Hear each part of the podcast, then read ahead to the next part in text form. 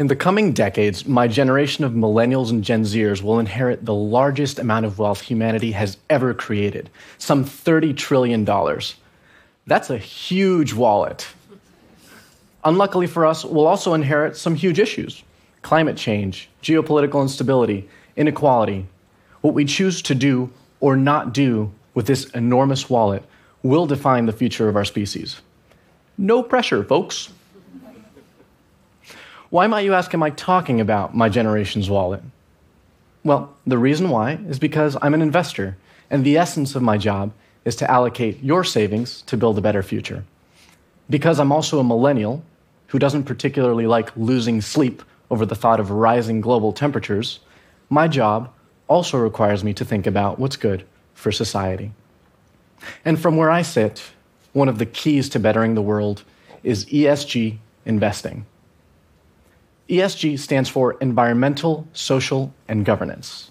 Think of ESG as additional little pieces of data that some investors consider when analyzing the risks or opportunities of an investment.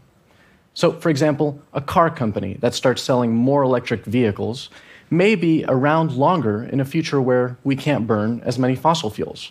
So, an investor might consider that company to be a safer place to put your money. In an ideal world, here's what ESG promises it promises better investment returns because money is invested in companies with sustainable practices, which makes them likelier to be around longer term. It promises business leaders who share more and better data about what their companies are doing. It promises greater productivity by allocating money to companies that maintain strong relationships with customers, employees, and suppliers. That's the vision. The good news is that some people, younger generations especially, have started buying into this vision, and ESG strategies have gained a ton of momentum over the past years. That's the good news. Hashtag happy.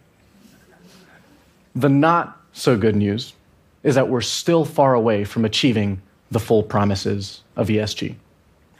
Here's a sobering fact a recent survey from Cowen, a major investment consulting firm, suggests that about half of institutional investors consider the benefits of ESG to be unclear or unproven.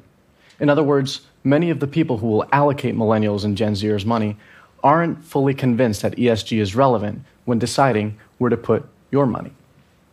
Now, I think there are many reasons why this might be the case. For example, investors focused on short term outcomes might not necessarily know the best way to consider longer term sustainability.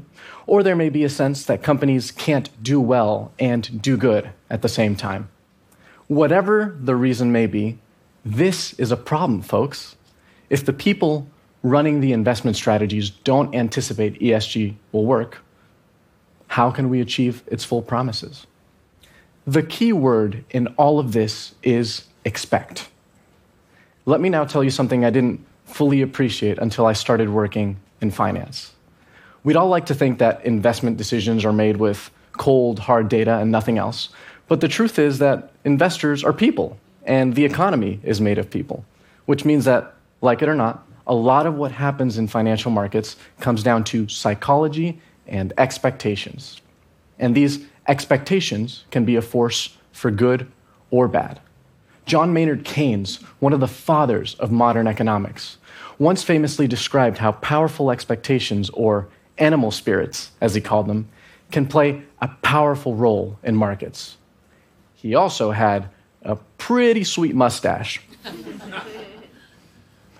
Anyway, I digress. The point is that I've seen the power of what expectations can do. And here's a firsthand example I'm from Venezuela. And in the late 20 teens, my home country experienced one of the worst periods of hyperinflation ever recorded. Now, there were many reasons why this hyperinflation took place, and I won't go into all of them here, but among those reasons was a concept called inflation expectations. What inflation expectations basically means is that when people believe prices in the future will go up, that belief, that animal spirit, can literally cause prices to rise today. Expectations create reality. So, coming back to ESG, what Venezuela and Lord Keynes have taught me is that making ESG and sustainability mainstream will require us to literally redefine society's expectations of what ESG is and what it can do. That might sound like a tall order, but I think there's a few things you and I can do about it. One solution investors are working on is to standardize ESG metrics. So, for context, right now, there are lots of divergent opinions about what metrics matter most or are material. And in the middle of this analysis paralysis, because there's a million things we could be measuring, it's no surprise why some investors are skeptical. Standardizing ESG metrics is showing some promise already. Instead of incentivizing investors to cherry pick data that makes companies look good, they encourage us to measure what matters. For example, data security is massively important for healthcare companies because patient safety and security are paramount. Although important, data security might not be as central a consideration for, say, a kitchen cabinet manufacturer. There's a cool Harvard Business School study that was released not too long ago, and it found that companies that address material ESG issues can outperform companies that don't by as much as 9% per year. That's good news. Hashtag can't stop, won't stop. Here's a second solution. Investors like me are working on literally changing the way we calculate financial forecasts. So, right now, most investors use financial models to make educated predictions about what a company might do in the future and how much money it's going to make. Let's just say we also excel at making spreadsheets. I'm so thrilled, more than zero people laughed at that one. what if, though, what if, in addition to basic financial data, we built in other pieces of data into our models that are predictive of how much earnings a company is going to make? But beyond standardized ESG metrics or new ways of calculating financial forecasts, I think the third and most important thing we need is trust. If we trust and expect that companies that do good will be around longer, we start to create a future where ESG becomes an indelible part of any company. We start to create a future where sustainable companies are less risky to own and money managers believe in using the right data to make better decisions. We start to create a world where you, the personal investor, leverage the power of expectations to demand even more tools, even better metrics, and so on and so forth, where trust in the system improves further. Economists might call this a virtuous cycle.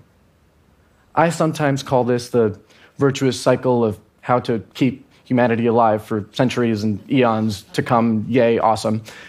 But that might be a little too long. So, for short, let's call it the virtuous cycle of investing in the 21st century. Because, like it or not, it represents the future of investing. If there's one thing to take away from what I've been saying, it's this. Fellow millennials and Gen Zers, start thinking about your assets today. Start thinking about your savings, what might be passed down to you, and how it can be used to build the world's future. If you don't invest your own money, ask your fund manager what they plan to do with your assets, what metrics they use, and why. Your pension funds, your 401k, even the money in your savings or checkings account, all can be put to work to create the virtuous cycle of investing in the 21st century. And if this sounds like a pie in the sky idea right now, think about Lord Keynes' mustache for a second and consider whether it's your expectations that may need changing. Thank you.